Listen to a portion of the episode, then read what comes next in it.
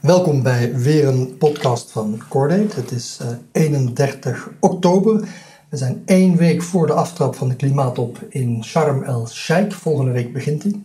En vandaag wil ik het hebben over twee best wel zware onderwerpen, namelijk voedsel en klimaat. Of, ofwel ook de voedselcrisis en de klimaatcrisis. Ik heb twee gasten hier aan tafel. Ontzettend blij om met ze te kunnen spreken. Dat zijn Bram Peters, uh, voedselsystemen-expert. Hij weet veel over mondiale voedselsystemen. Um, werkt bij Cordate en um, aan de andere kant van de tafel zit uh, Koen, Koen Faber. Koen werkt ook bij Cordate en meer op de onderwerpen vrede en veiligheid.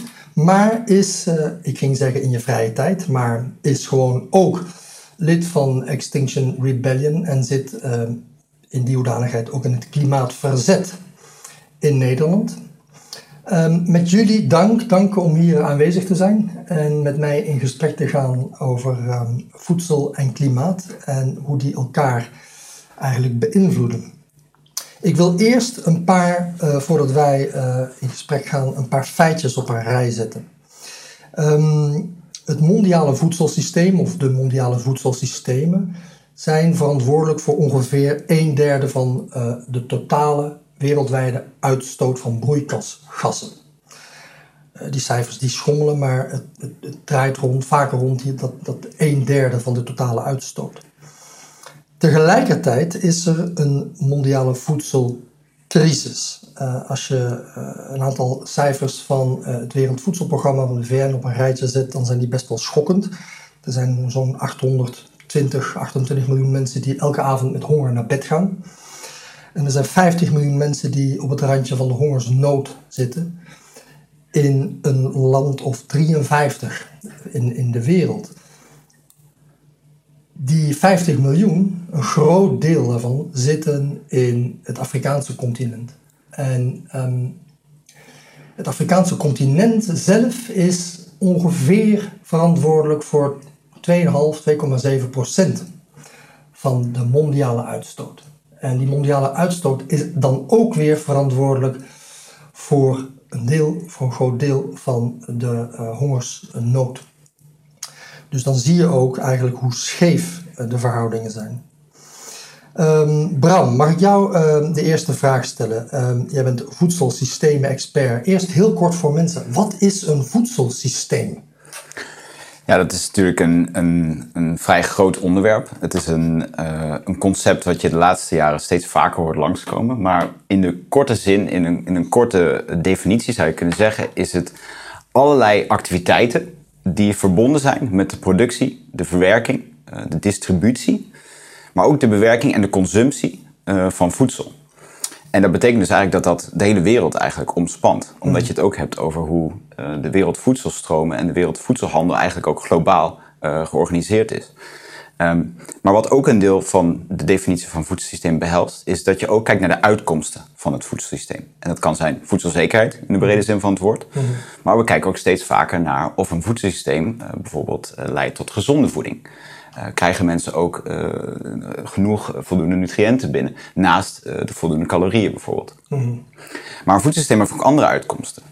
Dat kan zijn sociaal, dat kan zijn economisch. Dus veel mensen zijn afhankelijk van het, we het wereldvoedselsysteem en lokale voedselsysteem voor inkomen, voor werk. Denk aan boeren, denk aan mark marktkooplieden, denk aan mensen die werken in voedselfabrieken.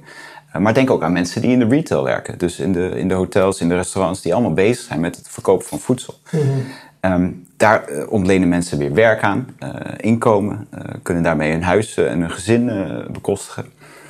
Maar het voedselsysteem levert ook andere uitkomsten, namelijk milieutechnische uitkomsten. En dan hebben we het ook vaak over inderdaad uitstoot, maar mm -hmm. ook de manier, de, manier, waarop ons landschap is ingericht. Kijk mm -hmm. ook naar Nederland, waar we gewend zijn aan weidse landschappen met, met koeien erin bijvoorbeeld. Dat is ook een manier waarop wij kijken naar landbouw en waarop landbouw eigenlijk in ons, in ons dagelijkse omgeving eigenlijk uh, mm. naar voren komt. De koeienromantiek waar Lubach het laatst over had. Zeker, ja, nee, dat is, dat is een voorbeeld van alles wat raakt bij uh, de uitkomsten van het voedselsysteem. En we komen steeds vaker erachter dat de uitkomsten van het voedselsysteem soms haaks op elkaar staan. Mm -hmm. En daar ontstaan ook de problemen. Dus het kan zijn dat er voldoende voedsel is in de wereld, maar niet iedereen heeft er toegang toe. Mhm. Het kan zijn dat een, een, waardeketen of een bepaald productieproces uh, van moderne landbouw leidt tot enorme productieverhogingen. Dus enorm veel kilo's aan, aan teelt die je kan halen van een stuk land.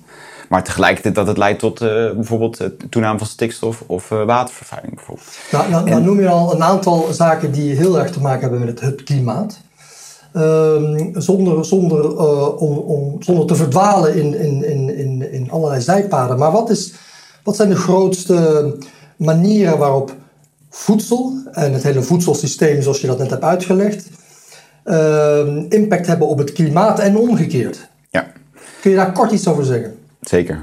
Nee, we zien dus de laatste uh, decennia dus dat uh, de link tussen de manier waarop we voedsel produceren en ook de manier waarop we het vervoeren, de manier waarop we inderdaad het bewerken, onlosmakelijk verbonden is met het klimaat en dus vice versa. Uh, nou, het effect van het klimaat wordt steeds duidelijker op de manier waarop we voedsel produceren. Het komt steeds dichterbij. Uh, temperatuurtoename uh, in, in bepaalde gebieden. Je, uh, je, leest bijvoorbeeld over Irak, waar het enorm heet aan het worden is in de zomer. De grootste droogte in, in Oost-Afrika van de laatste 40 jaar, denk ik? Ja, de, in de Hoorn van Afrika is een enorme droogte, al, al drie, vier jaar aan de gang. Dus dat, dat, zit er al, dat zat al een hele tijd aan te komen. Die regens blijven steeds uit. Mm -hmm. um, we hebben het over overstromingen in Zuid-Soedan die aanblijven en waarvan het water niet wegloopt, wat ook een enorme consequentie heeft. En steeds dichter bij huis ook. Uh, als je kijkt naar Limburg uh, vorig jaar, waar enorme uh, overstromingen eigenlijk plaats hebben gevonden door hevige regenval. Dus dat, dat is aan de ene kant heel concreet wat we nu steeds verder op ons af zien komen. En het wordt steeds erger. En dat leidt ook weer tot allerlei verschuivingen in ecologische processen. stijging van het zeeniveau, door smelt van de ijskappen, groeiseizoenen die verschuiven, ehm, oogstmomenten die ook veranderen, die ook onduidelijker worden voor boeren. Uh, maar je ziet ook opschuiving van ziekte en, en andere uh, um, ziekteverwekkers bijvoorbeeld. En ook uh, bijvoorbeeld insectenpopulaties die mm. verplaatsen. Denk aan de sprinkhanenplaag die overgekomen is. Dus dat is één deel van het effect wat je nu ziet van klimaat op, op landbouw. Ja. Ik, ik, las laatst eigenlijk, er zijn mensen en, en, ook wetenschappers die zeggen de klimaatcrisis is in feite in wezen eigenlijk een, een voedselcrisis en is eigenlijk een gevolg van het mondiale industriële voedselsysteem. Zou jij zo ver gaan? Nou, ik denk dat we uh, breder dan dat ook nog kunnen kijken naar bijvoorbeeld energiesystemen en ook de manier waarop we eigenlijk onze economie hebben ingericht. Hè. Dus ook nog iets breder zelfs dan, dan voedsel. Maar ik wil inderdaad wel met je eens zijn dat, wat jij al zei in het begin van het gesprek, hè, dus uh, dat je, je had het over een derde. Mm -hmm. uh, je kan zelfs, er is zelfs een berekening van het IFPRI geweest dat 34% van uh, de, de, de consequentie rondom uh, broeikasgassen komt dus uit het voedselsysteem. Hè? Dus dat is nog breder dan alleen landbouw. Ja. Uh, 21% is landbouw, maar nog de hele economie eromheen, de logistiek en dergelijke, is 34% van de emissies ja. die bijdragen aan, aan landbouw. Dus je zou zeker kunnen zeggen dat het voedselsysteem staat centraal in het klimaatvraagstuk. Ja, maar dat is eigenlijk dubbel, want het voedselsysteem voelt de impact en wordt verstoord eigenlijk door, door de gevolgen van een klimaatcrisis. Je noemde enorme droogte, overstromingen, aanhoudende droogte in Oost-Afrika en op andere Noord-Irak. Er zijn, er zijn plekken waar het meer dan 50 graden is. Dus dat hele voedselsysteem voelt, en al die boeren die voelen de gevolgen van die, van, van die, van, van die klimaatcrisis. Maar omgekeerd, dat mondiale en eigenlijk vooral het industriële voedselsysteem is mede een veroorzaker van die klimaatcrisis. Ja, dus dat, is een soort, dat is blijkbaar een soort, een soort, een soort uh, hoe heet dat? Uh, visueuze cirkel. Ja, een vicieuze cirkel, maar ook een soort versnellend effect. Ja, zeker. En het wordt alleen maar versneld nog meer door, door de, uh, de opstapeling eigenlijk van die emissies in de, in de atmosfeer. Ja. En daarvan zien we nu pas eigenlijk de consequenties van 200 jaar lang aan uh, industriële revolutie. En, en ja. uh, ook steekt grote mate van afhankelijkheid van fossiele brandstoffen. Maar ook na een bepaalde manier waarop onze markt en onze ja. agrimarkt eigenlijk hebben ingericht. Ja. En dat, daar, krijgen we, daar voelen we nu de consequenties van. Ja. Um, Koen, jij um, in, je, in, je, in je hoedanigheid, in je werk bij Cordit, had jij vooral bezig met eigenlijk conflictgerelateerde uh, uh, onderwerpen. Hè? Dus je werkt in conflictgebieden, je werkt aan zaken als veiligheid en recht, de toegang tot recht, de positie van vrouwen in, um, in landen. In welke landen doe je dat? In uh, ja, Mali, Niger, Afghanistan, ja. Zuid-Soedan, Congo en Burundi. Ja, en dan zou je in eerste instantie denken dat zijn man-made conflicten. Dat zijn conflicten die door mensen eigenlijk worden, worden gecreëerd. Nu is die hele klimaatcrisis natuurlijk ook door mensen gecreëerd. Maar kun je iets zeggen over de impact van de gevolgen van die klimaatcrisis in die landen en hoe dat eigenlijk weer effect heeft op ja, politieke spanningen en, en, en, en, geweld. Ja, um, kijk, als jij, uh, je noemt een aantal voorbeelden, Bram, van droogte, mislukte oogsten. Um, mensen gaan daardoor andere plekken zoeken, ze moeten weg of ze hebben honger. Dat, dat geeft spanningen. Ja. natuurlijke hulpbronnen zijn schaars. Hè? Dus water, of er is te veel of er is te weinig. Dus daar wordt om uh, gestreden, om die toegang naartoe. Uh, dus dat geeft op lokaal niveau tussen dorpen. Bijvoorbeeld hè, de traditionele tegenstelling tussen de veetelers en de landbouwers. Hè, de veetelers die met hun vee op zoek gaan naar water en dan op gebieden komen waar ook de landbouwers zitten. Nou, dat is in, in Afrika al lang een, een, spanningsveld. Um, maar dat gebeurt ook op, steeds grotere schaal door bewegingen van mensen die migreren en die weggaan. En dan moet je wel bedenken, de mensen die weggaan zijn ook nog te vaak degene die daar de mogelijkheid toe hebben. Ja. Dus uh, je krijgt hele schijnende situaties van mensen die eigenlijk geen kant op kunnen. Of als ze wel migreren, dat ze daarmee in conflict komen met buurgemeenschappen. Maar als je naar een grotere schaal kijkt. Um, kijk, die, we hebben het over voedselsystemen. Hè? Dus uh, um, de grote uh, producenten, zeg maar, hebben, uh, die, ja, die hebben ook veel in de pap te brokkelen, economisch. Mm En um, die systemen, als het alleen lokaal zou zijn, dan kunnen ze het misschien lokaal oplossen. Maar er zijn, hè, dat zijn de tussenhandelaren die lage prijzen betalen, die uh, boeren dwingen ook om uh, veel meer inputs te gebruiken en daarmee leningen aan te gaan. bedoel je eigenlijk um, hoe heet het, um, kunstmest. Kunstmest en dat soort dingen. Dus er zit ook op economisch niveau uh, zitten daar in de, ja, zeg maar in de economie, wat we in Nederland ook zien, hè, de de landbouw is heel erg geïndustrialiseerd. Er zijn een mhm. paar grote spelers die veel geld verdienen. Dat zie je ook wel in, in landen als Afrika. En dat brengt ook spanningen met zich mee, want die hebben veel invloed en lobbyen daarvoor. Ja. Dus um, het is ook een politieke crisis vaak. Hè? Dus die niet altijd een gunst is van de kleinere boeren. Die lijden eronder. Ja, dus ik, ik trek het eventjes wat breder, want ik vind. Uh, nou, nou hebben we vandaag een hele mooie uitslag in Brazilië. Lula heeft gewonnen en niet Bolsonaro. Uh, want daar wilde ik ook nog wel iets over zeggen. Je noemde hè, de, hoe bepaalde ecosystemen en, en, landbouw hangen natuurlijk ook samen. De Amazone wordt op grote schaal ontbost. En dat gaat al heel veel jaren zo. Op een gegeven moment ging iets beter. En nu is onder Bolsonaro die weer enorme versnelling ingezet om nog sneller te ontbossen. Uh, Twee grote onderwerpen hè, had hij ja. zijn verkiezingsprogramma. De honger aanpakken en de redding van het Amazonegebied. Ja, en, en die zijn precies, totaal tegenstrijdig. Dat is, nou, die zijn, dat, is, dat is precies het onderwerp waar wij het over hebben. Voedsel en klimaat. Ja, maar hij kijkt alleen naar zijn eigen landje. Van hoe kunnen we daar zoveel mogelijk... Echt vanuit een heel, ja, hoe moet zeggen, uh, een vrije markt denken. Hè, zoveel mogelijk geld verdienen op korte termijn. Ja. Uh, maar niet naar wat dat ecosysteem betekent voor de lang, op de lange termijn. Voor je voor je, uh, ja, uh, de stabiliteit van je hele ecosysteem, dus ook je landbouw. Ja, ja. En, uh, wat, ik, wat ik even onthoud, want ik wil, ik, wil, ik, wil, ik wil voorkomen dat wij de hele wereldproblematiek Ja, precies. nee, maar ik kwam even op die, op die Amazone, omdat ik dat wel, die noemde jij namelijk nog niet expliciet. Nee. En daar zitten wel hele belangrijke processen die wij met ons landbouwsysteem marginaliseren. De natuurlijke processen zetten we niet meer centraal. We proberen alles naar onze hand te zetten. En je ziet dus dat we dus zo'n Amazone ontbossen, uh, uh, heel intensief landbouw en daarmee enorme ja, negatieve effecten negeren. Ja. In, in, ja, ja, ja, En, die, en die hebben direct, komen die weer terug en zetten en, en, en uh, creëren crisis die, die vervolgens weer de landbouw uh, onder druk zetten. Mm. Wat, wat, wat, ik, wat, ik, wat, ik, uh, wat je al gelijk ziet, en we zijn nog maar vijf minuten aan het praten, is dat de politieke, de ecologische dimensie, de sociale dimensie, de geopolitiek, het, het grijpt allemaal op elkaar in. Ja. Um, hoe, als alles op elkaar ingrijpt, hoe begin je dan met het zoeken naar oplossingen? En dan, uh, dat wil ik eerst eh, aan jou vragen, uh, Bram. Uh, jij, jij houdt je specifiek bezig met voedsel en voedselsystemen vooral. En hoe dat gelinkt is aan gezondheid, aan economie, aan maar voedselsystemen. Dat is jouw, jouw core business, zullen we maar even zeggen. Hoe, waar begin je met de transitie naar een voedselsysteem dat duurzamer is? Dat werkt binnen de draagkracht van de wereld. Dat uh, uh, rechtvaardiger is. Dat die gigantische honger eigenlijk aanpakt, waar we het in cijfers over hadden in het begin. Waar begin je? Het is natuurlijk een enorm ingewikkeld vraagstuk, waar heel veel mensen en, en organisaties en, en instanties nu eigenlijk zich over buigen. Ja. Je hoort nu steeds vaker het verhaal van ja, we moeten ons voedselsysteem veranderen, transformeren, een nieuwe richting op zien te duwen.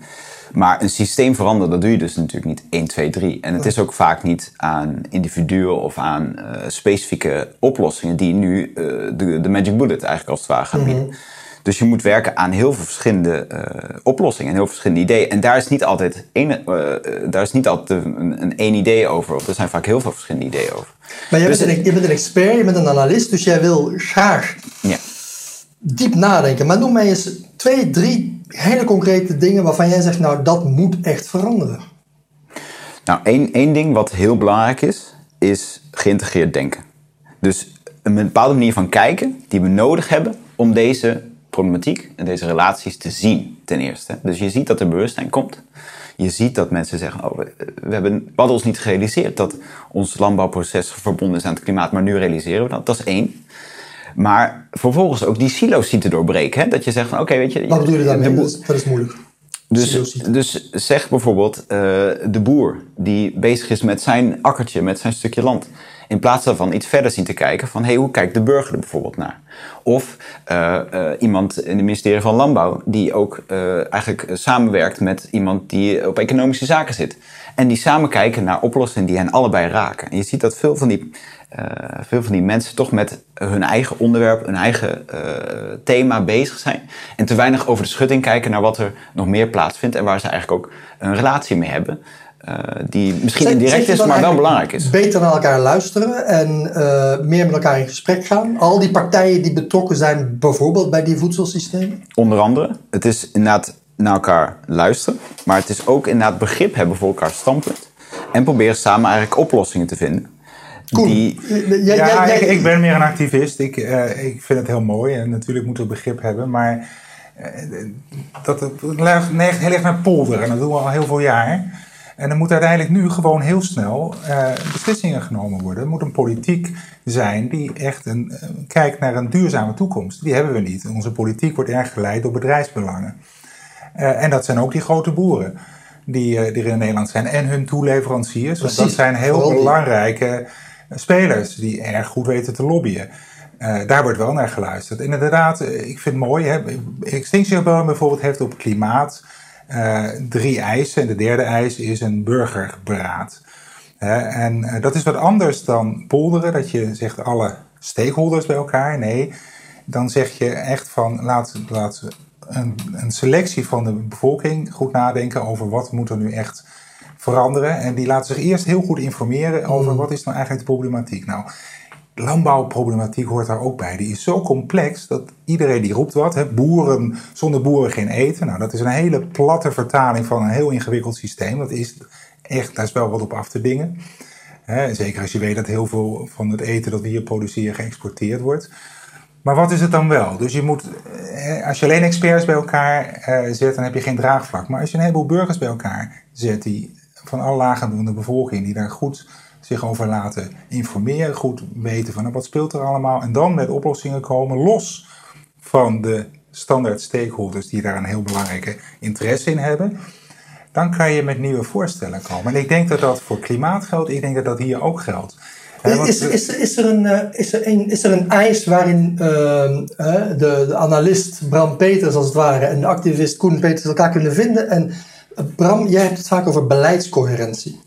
En uh, Koen, je had het laatste met mij over de, de, de waanzinnige uh, situatie dat Nederland iets van, wat is het, 17 miljard eigenlijk aan subsidie verleent aan de fossiele Klopt. industrie in Nederland. Ja. En dat eigenlijk Nederland vaak de mond vol heeft met mooie woorden, niet de mond vol, maar mooie, met, met, met ronkende woorden spreekt over wat ze allemaal doen voor het klimaat. Maar anderzijds eigenlijk 17 miljard pompen per jaar in Ja, de fossiele vorig jaar zei Rutte nog actie, actie, actie hè, in, eh, bij de COP26 in Glasgow. Ja. Nou, daar komt heel weinig van terecht. Maar Bram, beleidscoherentie, wat, ik, ik noem nou één ding, maar wat, wat, wat is dat dan eigenlijk en hoe moet dat coherenter? Nou, beleidscoherentie is in feite een, een, eh, een, een, een, het proberen toe te passen van wat ik al eerder zei over geïntegreerd denken. Dus dat je eigenlijk zegt van wat voor beleid hebben wij, wat voor subsidies, wat voor mechanismen hebben we eigenlijk bedacht als land of als, als EU ehm, om inderdaad bepaalde eh, onderwerpen aan te pakken. Ehm, en dat ook op een coherente, dus een, een logische eh, manier te doen, dat het op elkaar aansluit en elkaar niet tegenspreekt. En daar hebben we inderdaad, zoals je ook aangeeft, Koen, hebben we een heel groot probleem. Omdat op heel veel verschillende vlakken hebben we aan de ene kant eh, de intentie om allerlei doelen te bereiken. de Sustainable Development Goals, de Parijs-declaratie, actie, actie, actie. Maar tegelijkertijd zien we dat er vrij averechtse en, en, en bepaalde zijn aan bepaalde eh, eh, eh, initiatieven die ertoe leiden dat eigenlijk onze, het systeem eigenlijk niet verandert. Ja. En dat we eigenlijk pleisters aan plakken zijn. Ja. En dat we toch niet genoeg vooruit gaan boeken als we zouden willen doen. Dus inderdaad het onderwerp van subsidies. Eh, de import van, eh, van soja bijvoorbeeld wordt tot een zekere hoogte gesubsidieerd of vrijgesteld van belasting. Eh, inderdaad, de vergroening van de transportindustrie en de vergroening van, van, van de landbouw wordt ook ehm, eigenlijk bijvoorbeeld tegengegaan door dat de EU bijvoorbeeld subsidies uitstrekt aan de hand van het aantal hectare wat een boer heeft en niet per se de praktijken die hij opvoert. Dus dat zijn allemaal prikkels die eigenlijk bijvoorbeeld het voor een individu heel moeilijk maken om, om actie te ondernemen. Hè. Dus heel veel boeren die nu eigenlijk met de stikstofproblematiek zitten hier in Nederland. Die hebben het vaak over van, nou ja, aan de ene kant eh, zijn er bepaalde boeren die inderdaad heel erg voor hun eigen manier van, van, van werken zijn. Hè? Dus schaalvergroting, technologisch eh geënte intensificering. Maar er zijn ook heel veel boeren die eigenlijk vooral eh, zich ergeren aan gebrek aan visie. En die eigenlijk vooral graag willen zien dat een overheid consequent is. En, die- duidelijk die- en is in wel- welke richting. En die wel willen transformeren, maar die dat niet kunnen. Precies, dus de ik denk dat het heel belangrijk is dat we, ehm, zoals Koen jij ook al zegt, hè, er zijn bepaalde eh, groepen in de maatschappij die het, het hoofdwoord voeren en die ook heel sterke lobby hebben en die ook in staat zijn om, ehm, die ook in staat zijn om hun eh, mening heel duidelijk te laten horen. Maar het is ook zo dat er ook heel veel eh, eh, mensen zijn die wel willen veranderen en die Ja. ook best wel daarvoor openstaan. Ja. Ehm, maar tegelijk- tegelijkertijd ook te weinig naar worden geluisterd naar hun perspectief. En dat is iets waar we, Ja. waar we, waar we eigenlijk aan moeten werken. En, en dat is dus een ander punt wat ik ook zou willen aandragen. Is die, die inclusiviteit, die participatie. En, en daarvoor is een burgerraad bijvoorbeeld een heel interessant idee. Eh, je, je moet, en, dan- en, dat heb ik, en dan probeer ik het ook weer te trekken naar de, de groepen voor wie we werken in, in de landen, hè, naar Afrika en Azië. Daar zie je dat inclusie en participatie eigenlijk achterblijft. Dus dan heb je de armste groepen, de, de inheemse eh, groepen, de, de lokale boerengemeenschappen, die, die ook eh, zich willen inzetten om eh, te ad- adapteren richting klimaatverandering, ook hun voedselproductie te willen verbeteren. Die krijgen misschien wel een uitnodiging om aan tafel aan te schuiven. Maar die hebben niet de middelen, eh, die hebben niet de netwerken, die hebben misschien niet de toegang tot eh, ehm, eh, de, meer bronnen van informatie dan bepaalde spelers die wel heel machtig zijn en heel veel invloed hebben. En daar moeten we iets aan doen. Ja, ik, ik, daar wil ik even iets verder op ingaan. Wij hebben het daar eerder samen over gehad. Ik heb jou eerder gesproken daarover. En dat is eigenlijk, want wij hebben het vaak nu over eh, het mondiale voedselsysteem. Dan hebben we het eigenlijk over het industriële, het geïndustrialiseerde voedselsysteem. We hebben het nog niet zo gehad over wat we dan in het Engels noemen de smallholder farmers. Dat zijn kleinschalige boeren waar eh, eh, jij, Bram, en waar Cordate ook mee, mee samenwerkt. In coöperatieven, in corporaties, in, ehm, in tal van landen. Dat doen we in Irak, dat doen we in, in, in een aantal Afrikaanse landen, dat doen we in Bangladesh.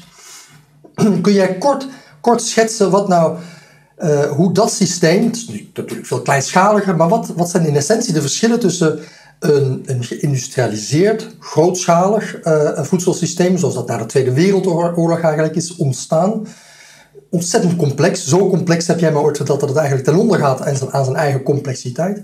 En zo'n systeem van smallholder farmers. Kun je daar kort iets over zeggen?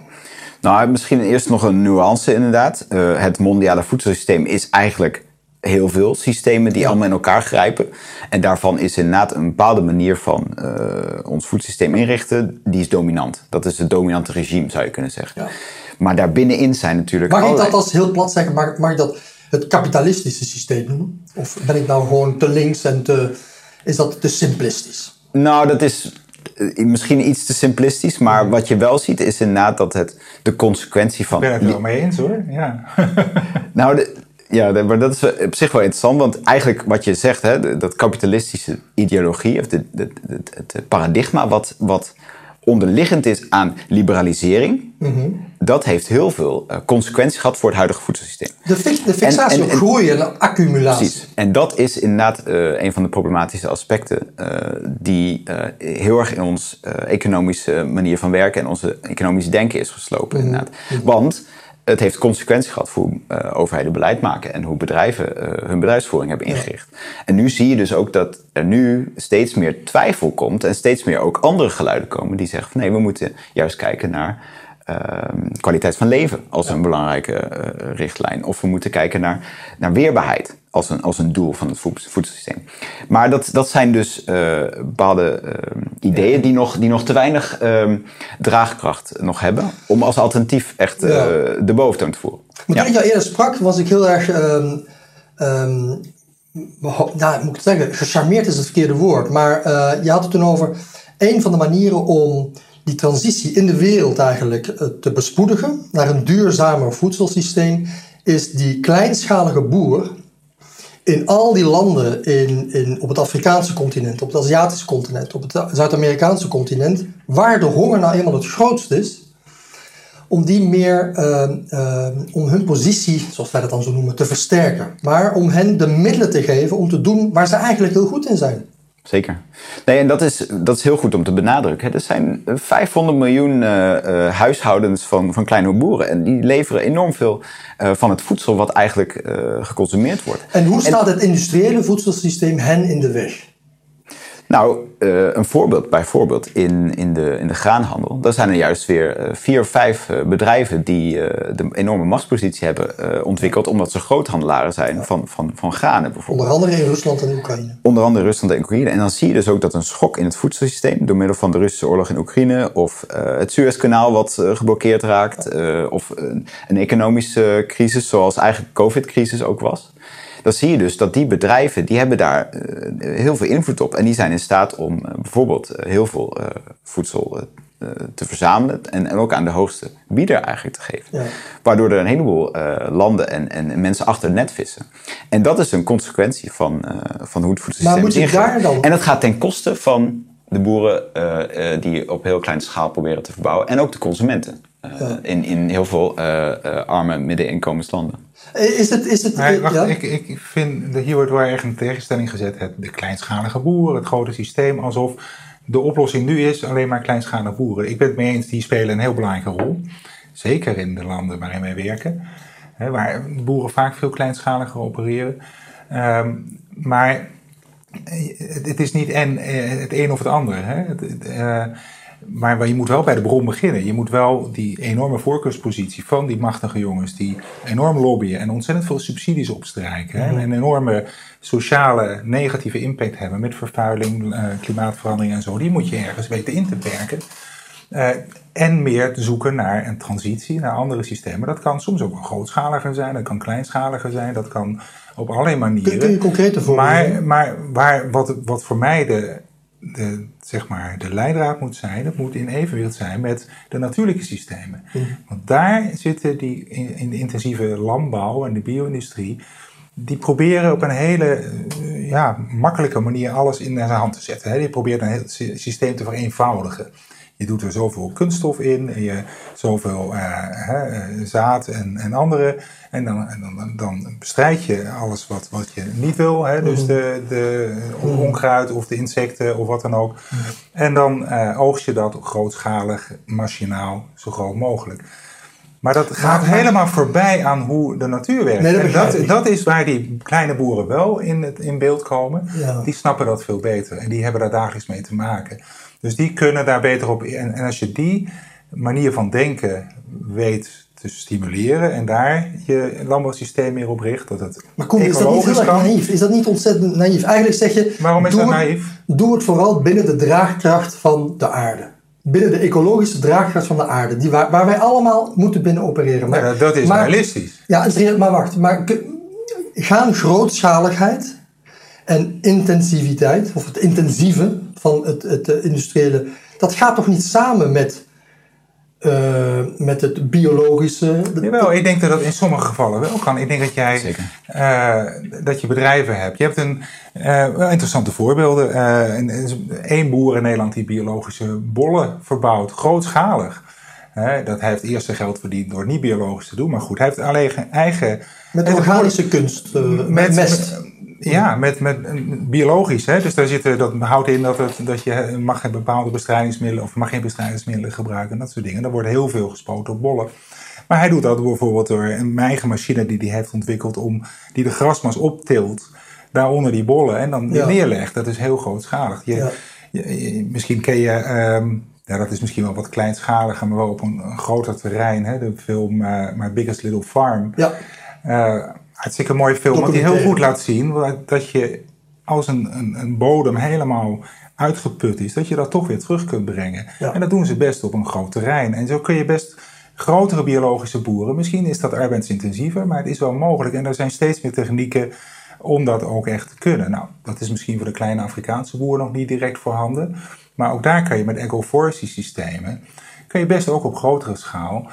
Dus zeggen van nou, je combineert Wat je gewassen, ah, je combineert je gewassen met bomen. Hè? Dus Ja, eh, agro, landbouw, forestry, bomen. ja. Eh, en daar wordt al heel lang is daar, eh, zijn er ontwikkelingen in om dat ook grootschaliger te kunnen. Dus die zijn er wel.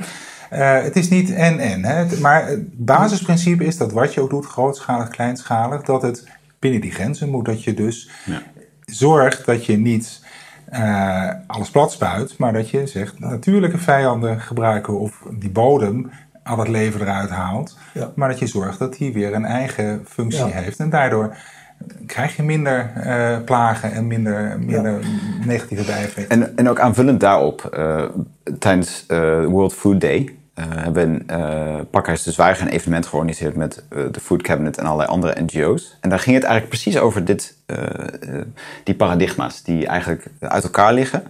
Dus ehm, tijdens dat event werd de film Food, Future Food getoond. En daarin gingen twee mensen met elkaar in discussie. Dus de een veel meer van het perspectief van lokale uh, op natuur geënte landbouw. Uh, versus iemand die vanuit meer een, een, technologisch innovatieperspectief aan het kijken was. Mm -hmm. En uh, die twee tegenstellingen werden eigenlijk tegen elkaar afgezet en werd flink ja. over gedebatteerd in die film. Maar eigenlijk de, ik vertel nou een beetje de clue van de film, maar daar gaat het eigenlijk over dat het belangrijk is dat die perspectieven eigenlijk niet vastgeroest zijn. Die, ja. die zijn juist, um, op een bepaalde manier kan je die uh, perspectieven nader tot elkaar te laten brengen. Mm. En geen enkel uh, perspectief heeft nou eigenlijk de oplossing, maar het is heel belangrijk dat je elkaars perspectief in ieder geval begrijpt. En ja. dat je ook ziet wat uh, de waardes en, en, de positieve dingen die er ook in beide paradigma's zitten. En kijken ja. of je die op een lokale en ook hoe heet het, een specifieke manier, dus een, een soort van um, hoe heet het, met maatwerk in feite per context, per situatie eigenlijk kan toepassen. Het, is eigenlijk wel frappant dat jij nu eigenlijk een tweede keer de, de, de nadruk legt, of het belang onderstreept van elkaar vinden en met elkaar in gesprek gaan. Uh, terwijl ik met Koen iemand aan tafel heb die de A12 bezet en, en, en, en niet direct de dialoog opzoekt, maar de confrontatie. Ik wil nog eventjes zeggen, Koen, jij noemde een systeem, uh, een biologisch systeem van produceren, van voedsel produceren. Het, het, grote probleem zit hem toch niet in het produceren van voedsel. Bram, jij hebt mij wel dat wel eens verteld. Het probleem is niet dat er niet genoeg voedsel is. Het probleem is dat er uh, een probleem is met de toegang tot voedsel. Ja. Kun, je daar, kun je daar nog iets over zeggen? Nou, in, fe in, feite is er nu, en dat, dat zie je dus eigenlijk dat heel veel mensen zeggen van nou, door de Oekraïne-crisis moeten we meer voedsel gaan produceren. Uh, moeten we eigenlijk onze plannen rondom natuurbehoud moeten we eigenlijk op de lange baan schuiven, ja. omdat er te weinig voedsel zou zijn. Ja. Dat is dus eigenlijk niet het geval. Zeker niet als het gaat om calorieën. Dus granen, uh, mais, uh, tarwe. Daar is genoeg van in de wereld. Maar het is gewoon opgeslagen in bepaalde plekken. Ja. En het komt niet naar de plekken waar het nodig is. En mensen dus dat, worden rijk door het vast te houden. Precies. En dus allerlei speculatie waarin ook allerlei beleggers nu hebben gedoken en die mooie rendementen gehaald. Juist door die, uh, doordat die markt zo, zo heet was op dat moment. En, en dat er veel in werd gespeculeerd. Um, dus dat is een deel van het verhaal. En tegelijkertijd is ook onze prioriteit niet uh, gefocust op bijvoorbeeld een gezond dieet. Uh, dus we hebben het veel over calorieën, maar ondertussen uh, zien we dat aan de ene kant honger toeneemt. mensen hebben geen toegang tot gezonde voeding. Bijna 3 miljard mensen hè, hebben geen toegang tot gezonde voeding. Mhm. Dus dat is breder dan alleen maar eh, voedselonzekerheid. Ja. Ehm, en, en tegelijkertijd ehm, is, is vleesconsumptie bijvoorbeeld heel hoog. En ob- obesitas neemt ook toe in, in heel veel landen. En dat zijn allemaal crises die aan elkaar verbonden zijn. Maar nogmaals hoor, want ik word depressief van al die crisis. Waar begin je? Waar begin je? Kijk, jij, eh, voor, voor, voor jou is het heel erg, ik, ik, ik, ik, ik zeg het een beetje simplificerend natuurlijk. Koen, voor jou is het simpel. Jij wil gewoon actie en je bezet een, een, een, kruispunt of... Ik wil geen actie. Nee, dat, dat zeg je verkeerd. Ik, ik onderneem actie omdat het systeem niet klopt. En eh, met alleen praten, als we er dan uit zullen komen, zou het fantastisch zijn. Maar dat lukt niet, omdat bepaalde machten de overhand hebben. De lobby, bedrijfslobby is zo sterk. En de Nederlandse overheid, maar ook andere dus overheden. de kern van het probleem is, die, dat die is, een- het is luisteren. een machtsprobleem. Alleen, ja, het is een machtsprobleem, absoluut. Een En, ongelijkheidsprobleem. en daarom ben ik activist, want daar ga ik tegenin. Ik wil daar hè, aandacht voor vragen en zeggen, als die paradigma shift, die mij volkomen duidelijk moet zijn, dan is iedereen weet, we hebben maar één aarde. En, hè, het rapport van Rome, van Grens aan de Groei, is al 50 tientallen jaar oud dit jaar. 50 jaar 50 oud. jaar oud. 50 jaar oud. En toen wisten we het ook al. En toch houden we ons daar niet aan. Omdat we heel kortzichtig denken, juist in dat hè, kapitalistische systeem. Een, een uitwas van het kapitalistische systeem. Die alleen maar kijkt naar de groei en zoveel mogelijk winst maken voor de happy few. Ja. En niet voor iedereen. Ja, dus jij, daarom, daarom zit ik op die A12. En daarom bezet ik het pensioenfonds waar we ons geld ook nog steeds, hè, ons eigen pensioengeld in fossiele industrie eh, geïnvesteerd Ja. wordt. Omdat dat moeten we doorbreken. En eh, daar heb je ook activisten voor nodig. En daar heb je ook dialoog voor nodig, allebei. Ja. Eh, maar er wordt gewoon niet geluisterd. En ja, dus dan ga ik een stapje verder en dan doe ik ook burgerlijke on- ongehoorzaamheid. Alleen die marsen die we al lang doen, die eh, ja, jaarlijks een klimaatmars, eh, brengt Rutte niet op andere gedachten Nee, kennelijk. nee en, en, en eh, volgende week begint eh, de klimaatop in Sharm el-Sheikh. We hebben Parijs gehad, we hebben Glasgow gehad. De laatste rapporten tonen aan dat al die afspraken, al die, al die beloftes, al die inspanningen eigenlijk niet gaan opleveren wat we wilden bereiken. Het enige hoopgevende dat ik las onlangs is dat de inspanningen van de afgelopen, wat is het, tien jaar eigenlijk terug te zien zijn in de berekeningen nu. Dat las ik. ik, ik, ben, ik ken, het is zo'n overvloed aan informatie, maar dat ehm, in, de laatste, in de laatste rapporten van, van de mensen die het weten zou staan dat ehm, je ziet in de berekeningen van de uitstoot, et cetera, dat er iets verandert. Nog lang niet genoeg, maar wel iets. Dat zou dan hoopgevend We zijn. zitten dit jaar op de hoogste uitstoot ooit hè, van CO2 of broeikasgassen in het algemeen en heel veel methaan ook. Dus ja, er zal wel iets afgebogen worden, misschien, hoop ik. Maar het, het is bij lange na niet genoeg. Nee. Dus jij kiest, jij kiest voor die eh, noodgedwongen bijna, eh, voor die barricade. Jij zegt, laten we elkaar toch vooral proberen te vinden en, ehm, en, en hopen dat er met dialoog en, en, en begrip voor elkaar, dat er schot komt in de zaak. Ehm, hebben jullie nog enige hoop? Nou, wat, ik nog wel zou willen eh, toevoegen is inderdaad dat het niet alleen maar is naar elkaar luisteren, maar ook echt met elkaar samen acties ondernemen. En dat is inderdaad iets wat gewoon heel erg onderbreekt eh, in, de, in de laatste paar jaren. Je ziet inderdaad dat allerlei initiatieven op gang zijn gekomen met allerlei pledges, eh, allerlei eh, partijen die eh, ja, targets stellen aan zichzelf om bijvoorbeeld klimaatneutraal te zijn tegen een bepaalde tijd. Hè. Ehm, maar het is natuurlijk zorgelijk dat heel veel van de uitwerking van die eh, initiatieven eigenlijk eh, eraan schort of te weinig is. En dat het alleen maar een beetje pleisters plakken is. en daar moeten we enorm waakzaam voor zijn. Ja. En daarom zeg ik ook, ehm, ik zou inderdaad niet zo ver gaan als Koen in termen van eh, echt die actie op de straat per se doen. Maar wat ik A12. wel zou zeggen, of de A12, sorry. Ehm, maar wat ik wel zou zeggen is dat we echt heel waakzaam moeten zijn eh, naar degenen die inderdaad macht hebben. Dat die zich houden aan wat zij ook eh, beloven en ook die En als ze het samenwerking. niet doen. En als ze het niet doen, want dat zien we keer op keer. Hè, dat er wel beloftes zijn. Greta Thunberg die zegt het heel goed. Hè, bla bla bla, zegt ze dan in Glasgow. En, eh, Ja. Maar nu zelfs is al zover, ik praat niet meer met politici. In het algemeen niet, want dat heb ik genoeg gedaan. En het heeft geen zin. En ook eh, Gutierrez hè, die, van de UN die zegt van... Ja jongens, eh, jullie hebben zoveel beloftes gedaan. Regeringsleiders wereldwijd. Maar we redden het niet. Hè? Het gaat eigenlijk nog steeds de verkeerde kant op. Dus dat praten heeft zijn grenzen. En dat, ik herhaal mezelf, maar dat komt voor een deel omdat degenen die aan tafel zitten, degenen zijn die belang hebben om het niet te veranderen. dat zijn de grote jongens die daar heel veel geld tegenaan gooien. Ook in publieke campagnes, ook door eh, in de media door rapporten van, uh, te financieren van universiteiten. En als ze goed uitkomen, dan publiceer je ze niet. Uh, publiceer je ze anders niet. Ja. dus daar zit ontzettend veel ruis op de lijn. Luister naar de wetenschap is ook weer een uitspraak van Greta Thunberg. En daar heeft ze zo ontzettend gelijk in. Want het is volkomen duidelijk in de IPCC-rapporten liegen er niet om. maar ja, er wordt niet naar gehandeld. Dus daar zit een enorme kloof. En ehm, helaas hebben we ook niet zoveel tijd meer. Ik, ik, ik, dus we kunnen wel lang blijven praten, maar als het niet dit jaar, in, in deze kop, volgende week, echt tot, uh, tot drastische verminderingen en echt uitvoering komt, dan, dan zie ik het inderdaad heel somber in. Want dan vroeg je naar, ben ik pessimistisch? Ja, ik ben pessimistisch. Ja. Ik heb soms het idee, ik ook, maar ik denk dat iedereen een gevoel van somberheid of collectieve depressie eh, voelt. Dat iedereen daar last van heeft. De onlangs overleden klimaatfilosoof, uh, socioloog Bruno Latour, die noemde dat ook. Het knaagt aan iedereen. Ehm, maar ik heb het idee dat, jij noemde dat uh, ook, uh, en jij ook, denk ik, ze zijn aan zet. En dat ze, of we, er zijn, er zijn zoveel mensen die aan zet zijn, dat het ontzettend moeilijk wordt. En dat degenen die aan zet zijn zich makkelijk kunnen verschuilen achter weer anderen. En we zijn met z'n allen aan zet. Tegelijkertijd hebben we met z'n drieën geconstateerd dat dat een, een, een probleem is van scheve machtsverhoudingen en ongelijkheid. Dus degene die de grootste macht heeft, is als eerste aanzet. Of het nu in, de, in, de bedrijfsle in, de bedrijfs, in het bedrijfsleven is, of corporate industries, of politiek.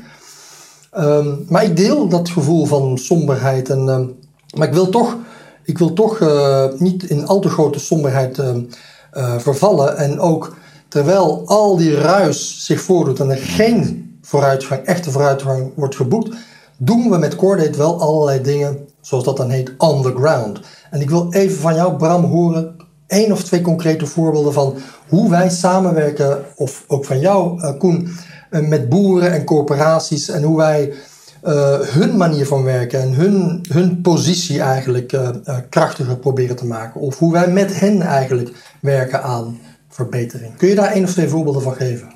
Ja, zeker. Nee, um, wat, wat wij doen in de verschillende landen waarin we werken, we werken met name in, in fragiele contexten. En uh, Afrika, Azië uh, werken aan verschillende projecten die raken aan, aan het versterken van de positie van uh, rurale gemeenschappen en boeren in uh, agri-markten, agri-waardeketens. Mhm. En daar zit ook een enorme uh, kans eigenlijk ook voor, voor boeren, omdat zij inderdaad daar zitten. Ze hebben die perspectieven, ze hebben in feite toegang nodig tot middelen en tot kennis. En, en, daarin proberen wij te ondersteunen in het versterken van duurzame en, en klimaatweerbare landbouwpraktijken. Zoals? Kun je, kun je dat uh, zoals uh, bijvoorbeeld uh, zouttolerante landbouw.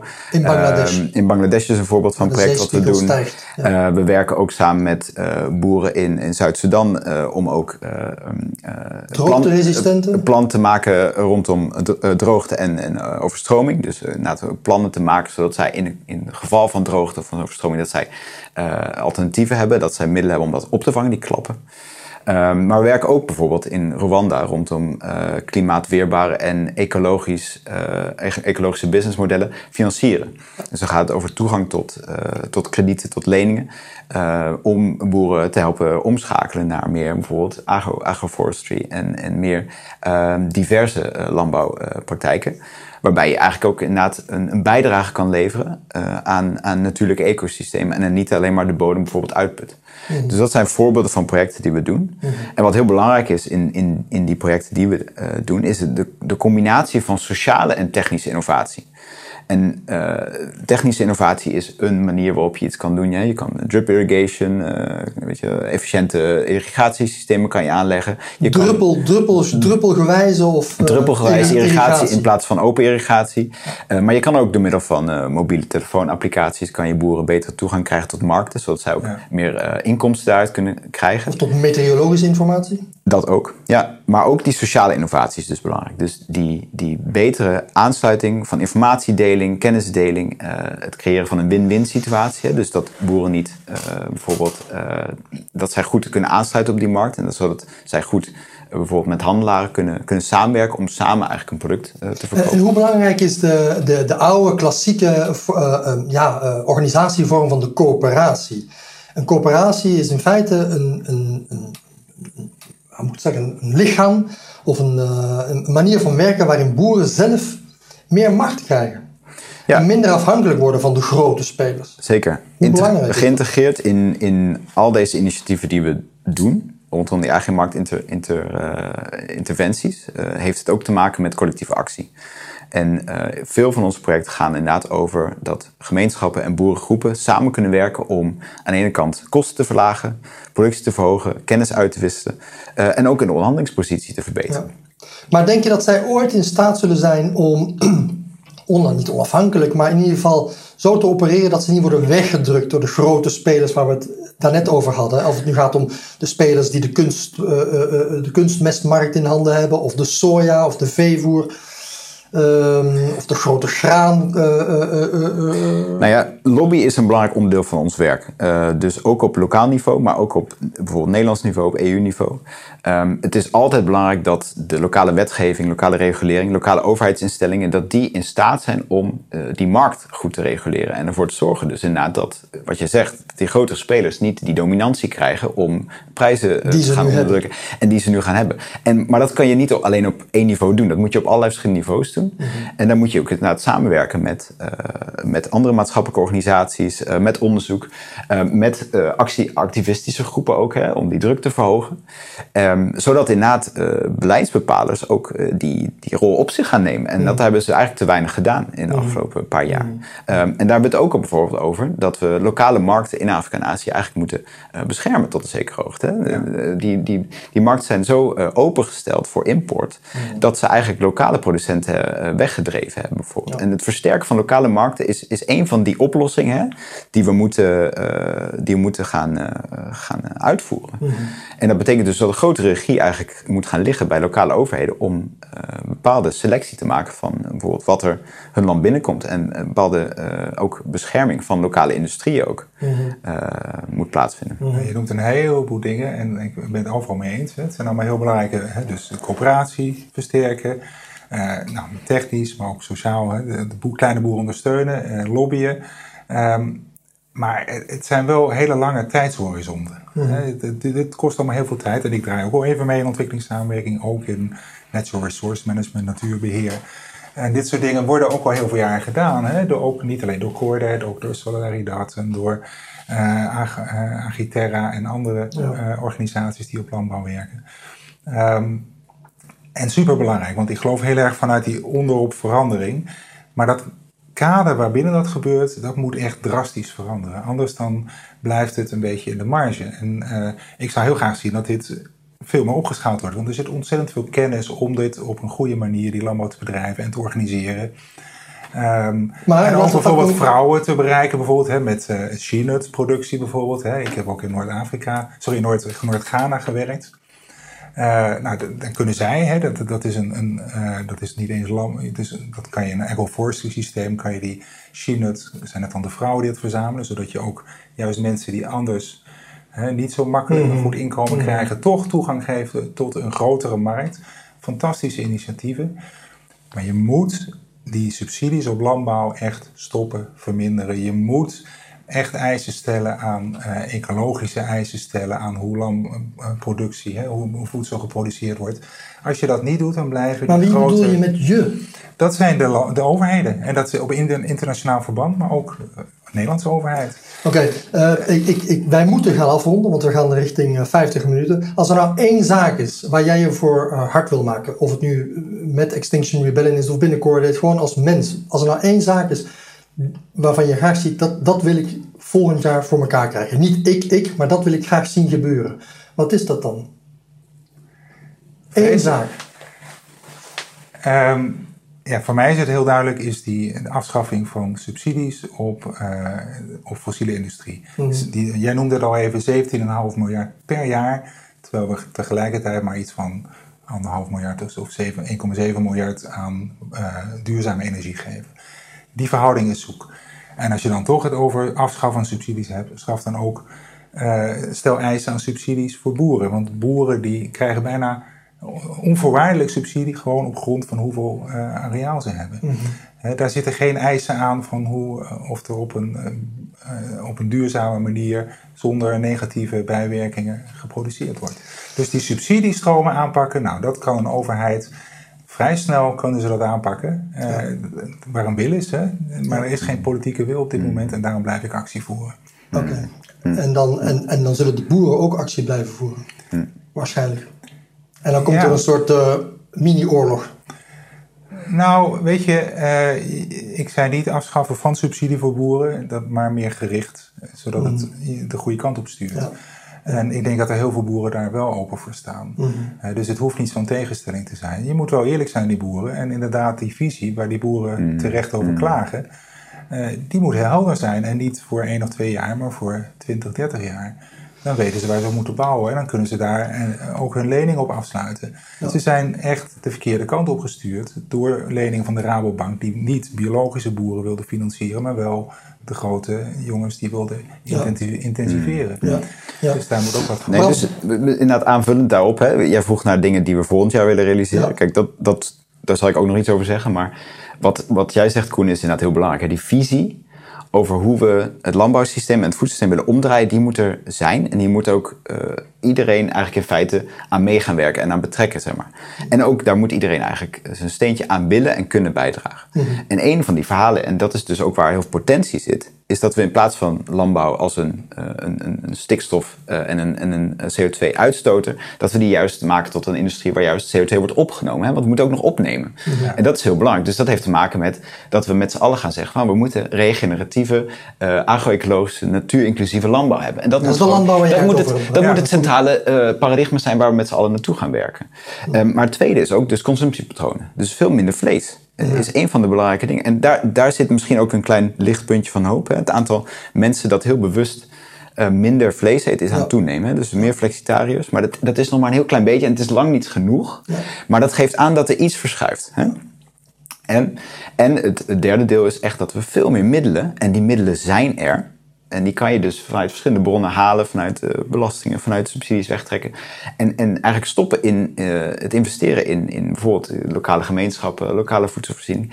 Uh, het heroriënteren van middelen is mogelijk, als we dat willen, als we die visie helder hebben en als we daar allemaal achter gaan staan. Jongens, ik, ik, ik moet gaan afronden. We hebben ontzettend veel besproken. We hebben ook ontzettend veel niet besproken, waarvan ik dacht, ja. dat komt ook nog aan bod, zoals loss and damage en andere zaken. Oh ja, het compenseren dat, van. Dat is iets wat volgend jaar belangrijk is. Dat is inderdaad wat, ik nog wilde aanvullen. Um, heel kort, wat heel kort, loss, and, loss and damage betekent eigenlijk in feite dat uh, de rijkere, geïndustrialiseerde landen, ja. die eigenlijk 200 jaar lang uh, eigenlijk fossiele brandstof hebben uitgestoten, dat die nu andere landen gaan compenseren die daar nu effecten van krijgen. Ja. En daarvan zie je dus dat er een trend ontstaat dat uh, landen zoals Denemarken, Schotland, die hebben nu gezegd wij gaan ook bijdragen aan zogenaamde loss and damage. Wij gaan geld overmaken die te maken heeft aan, aan armere landen. Dus aan, met name, aan, overheden. Aan, ja, dat is dan overheden, maar dat wordt dan, dat wordt in allerlei fondsen gezet. Moeten we dan maar hopen. Multilaterale fondsen van de VN. Uh, okay. En dat gaat dan bijvoorbeeld naar landen die dreigen om te lopen. Hè, dus om eilanden. En wat doen ze dan met dat geld? Uh, klimaat, uh, mitigatie en adaptatie. Okay. Dus da dat gaat het helemaal... opvangen van de klappen. Precies. Maar uiteindelijk en, is dat allemaal symptoombestrijding. Nou, dit is een deel mitigatie en een deel adaptatie. Mm. Uh, dat zit daarin. daar zit natuurlijk ook in dat allerlei landen nu ook klimaatfinanciering hebben vrijgespeeld. En daar zit nog een ander iets waar we eigenlijk op korte termijn heel veel aan moeten doen. Is dat klimaatfinanciering meer toegankelijk wordt aan lokale gemeenschappen. Zodat zij daadwerkelijk op lokaal niveau iets gaan doen...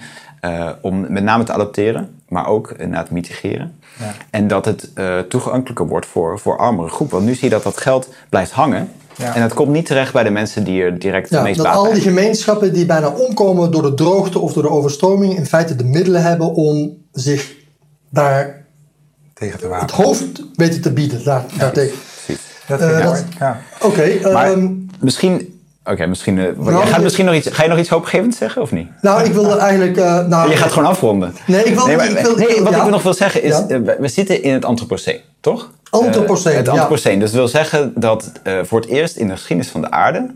heeft de mensheid de invloed om het klimaat en de atmosfeer te veranderen. Dat is eh, vrij negatief op dit moment.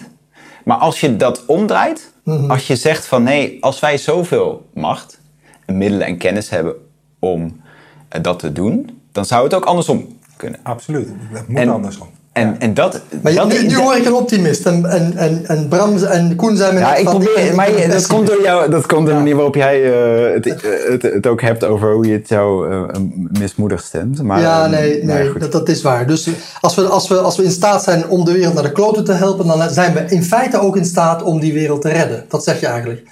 Dat, maar ook dat is een zeer ehm, antropocentrische benadering van, van, van de rol en de positie van de mens in de wereld. Maar nou word ik heel erg filosofisch en heel erg algemeen. De klimaattop is volgende week. Cordate zit daar met, met het Fair Climate Fund. In feite, het Fair Climate Fund dat is opgericht door ICO in de tijd. Uh, nu onderdeel van, van Cordate sinds we samen zijn gegaan. Een sociale onderneming die zich inzet voor CO2-reductie. Die klimaattop, wordt dat er eentje, net zoals in Parijs en Glasgow, heel veel mooie woorden en beloftes en niet implementeren, niet uitvoeren?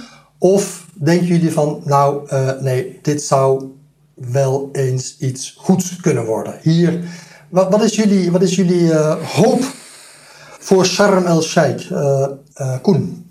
Ik ben niet optimistisch. Je ziet het al in de aanloop. Hè. Er wordt weinig ruimte gegeven aan klimaatactivisten bijvoorbeeld. Hè. In de, juist in Egypte is tegenspraak wordt zwaar onderdrukt.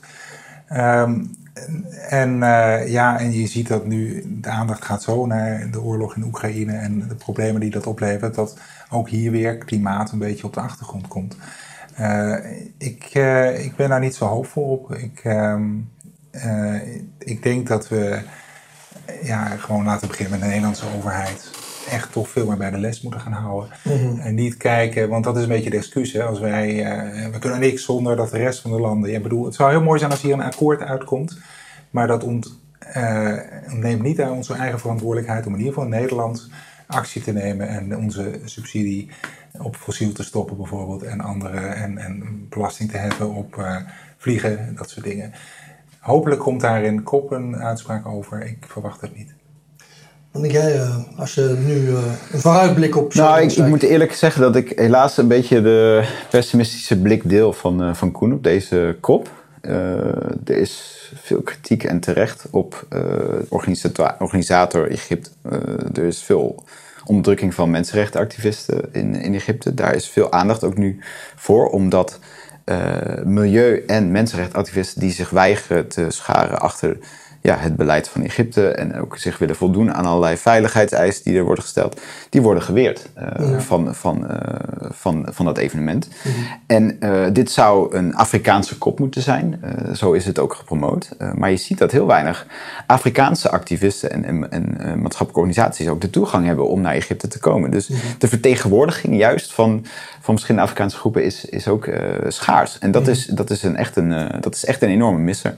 En het risico is inderdaad ook dat er uh, greenwashing ontstaat uh, van allerlei uh, mensen die allerlei mooie verhaaltjes aan het vertellen zijn. Machtsongelijkheid, ik hoor het eigenlijk weer, ook op een klimaattop. Ja. ja. Nee, maar de uitnodiging is niet voldoende om de inclusie te realiseren. En daar deel ik dus het perspectief van, van En het bedrijfsleven zit daar weer vol aanwezig, net als in, in Glasgow. Mm. Haal die daar weg. Wat doen die daar? Hey, ik doe toch nog een poging om het positief, uh, om positief te eindigen. Waar valt de meeste winst dan wel te halen? Koen, jij zei van stop met die, uh, met die subsidie op fossiel in Nederland. Daar, daar kunnen we aan, aan werken. Daarvoor ga ik die A12 op. Bram, waar valt in jouw ogen de, de winst te halen?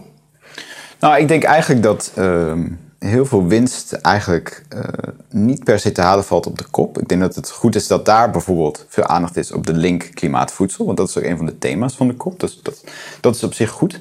Ja. Uh, maar ik denk dat eigenlijk veel processen al daaromheen uh, aan het spelen zijn. Hè? Ik denk bijvoorbeeld aan uh, wetgeving op, uh, op bossing, die er vanuit de EU in ieder geval aan zit te komen. Hè? Dus binnenkort komt er een wet dat bedrijven die bepaalde commodities, hè, bepaalde producten zoals cacao, soja die moeten bewijzen dat het niet dat het uit ontbossingsvrije gebieden gaat komen. Mhm. Dat gaat hele grote impact hebben op eh, heel veel producten die wij eh, zomaar eh, in en uitvoeren. Mhm. En daarnaast is ook in Nederland en in de Europese Unie is veel discussie over IMVO, internationaal eh, maatschappelijk verantwoord ondernemen. Mhm. Die wetgeving gaat ook enorm belangrijk worden, omdat dat bedrijven eigenlijk gaat zeggen van jullie moeten verantwoordelijkheid nemen Ja. op jullie handen. stop, stop eh, subsidie op fossiel, eh, onthoud ik van, van Koen. Wetgeving, daar valt winst te behalen. Ehm, Bram. En IMVO.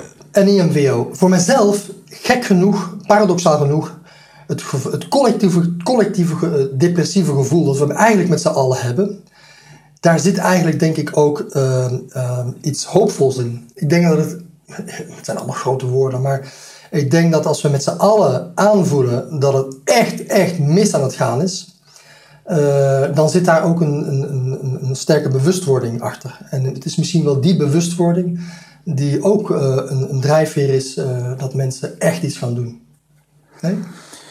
Bewustwording is heel belangrijk. En ik denk dat heel veel. Er komt steeds dichterbij. De vraag is: is het te laat? Want eh, laatst was er ook een eh, interview met eh, Frans Timmermans van de Europese Commissie met de correspondent. Heel interessant interview. En dat gaat eigenlijk over dat de planeet. Het gaat niet om de planeet. We gaan niet de planeet redden. Eh, we gaan eh, de mensen redden. Want eh, de planeet gaat eh, gewoon doordraaien. En eh, die, die zal zichzelf uiteindelijk wel herstellen. Maar met of zonder ons. En, en die realisatie is, is gewoon nog niet voldoende eh, gerealiseerd. En dat betekent dat we leiderschap nodig hebben. En die leiders die zijn er wel. Maar die, die moeten nog meer die regie gaan nemen en, en krijgen. Ja. Die leiders In die Nederland komen... zie je wel, hè, dat, eh, maar ook Europees en wereldwijd, er is wel onderzoek naar gedaan hoeveel mensen vinden dat klimaatcrisis echt een groot probleem is. En dan zie je dat dat, eh, dat het toeneemt. Dat, dat zijn steeds meer mensen die dat vinden. Maar in Nederland, gek genoeg, is dat nog steeds een minderheid die zegt dat klimaat, eh, de klimaatcrisis echt een groot tot een zeer groot probleem is. Dat is zit onder, onder de 50 procent. Waar in veel Afrikaanse landen zie je dat al op 90 procent en hoger. Dat is ook interessant. Hè? Dus dat daar men zich al bewuster is eigenlijk van dat we echt wat moeten doen. Ja. Dan in Nederland. En ja. ja, dat baart me wel zorgen. Ik vind dat we daar ook aan moeten werken, de bewustwording in Nederland. Als onze Maar- voeten nat worden en we echt niks meer uit de grond kunnen halen, dan... Ja, wij hebben zo'n geloof dat wij met onze dijken het nog wel gaan redden.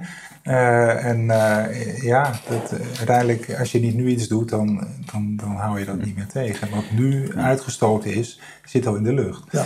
Dus eh, eh, die bewustwording is heel belangrijk, maar ik zie het wel groeien. En eh, eh, ook door acties, juist extreme acties die misschien mensen dan afkeuren. Maar het is wel daardoor in het nieuws en gesprekstof. En je ziet een grotere groep zegt van ja, oh wacht, hey, het is toch wel echt serieus. Ja. Maar je ziet de combinatie van, van factoren is belangrijk. Hè? Dus aan de ene kant aandacht eh, vanuit eh, Extinction Rebellion en andere eh, groepen voor het onderwerp. Paradoxaal genoeg de Russische oorlog in Oekraïne, waardoor eh, enorme prijsstijgingen van, eh, van brandstof eigenlijk toe hebben genomen. Die hebben ertoe geleid dat, dat mensen steeds meer denken van hey, vanuit de portemonnee gedacht moet je ook eh, investeren in, in bezuinigen en, en isolatie en, en, en zonnepanelen, et cetera. Ehm, maar tegelijkertijd, ja, ik wil nog iets zeggen, maar ja, daar kom ik ja, niet op. ja. Dus eigenlijk via de omweg van de portemonnee komen we er wel. Of komt Nou, er dat is, schot in? Nee, maar dat is een deel van, van, eh, van, eh, van wat, er, wat mensen drijft. Mhm. En de derde is dus inderdaad de beschikbaarheid van oplossingen. Dat Mhm. is ook heel belangrijk. Dat er perspectief is van een, een alternatief. Mhm. En dat moeten we ook niet vergeten te schetsen. Ja. Heren, ik wil jullie danken voor dit, eh, voor dit gesprek. Ik ben over de tijd gegaan, maar het waren dan ook wel fameuze onderwerpen die we hebben aangesneden. Dank en ehm, laten we hopen op een kop met een staart. Ehm, Ja. En dan ehm, Dankjewel. wil ik ook de luisteraar bedanken en tot weer een volgende podcast van Coordate. Dankjewel.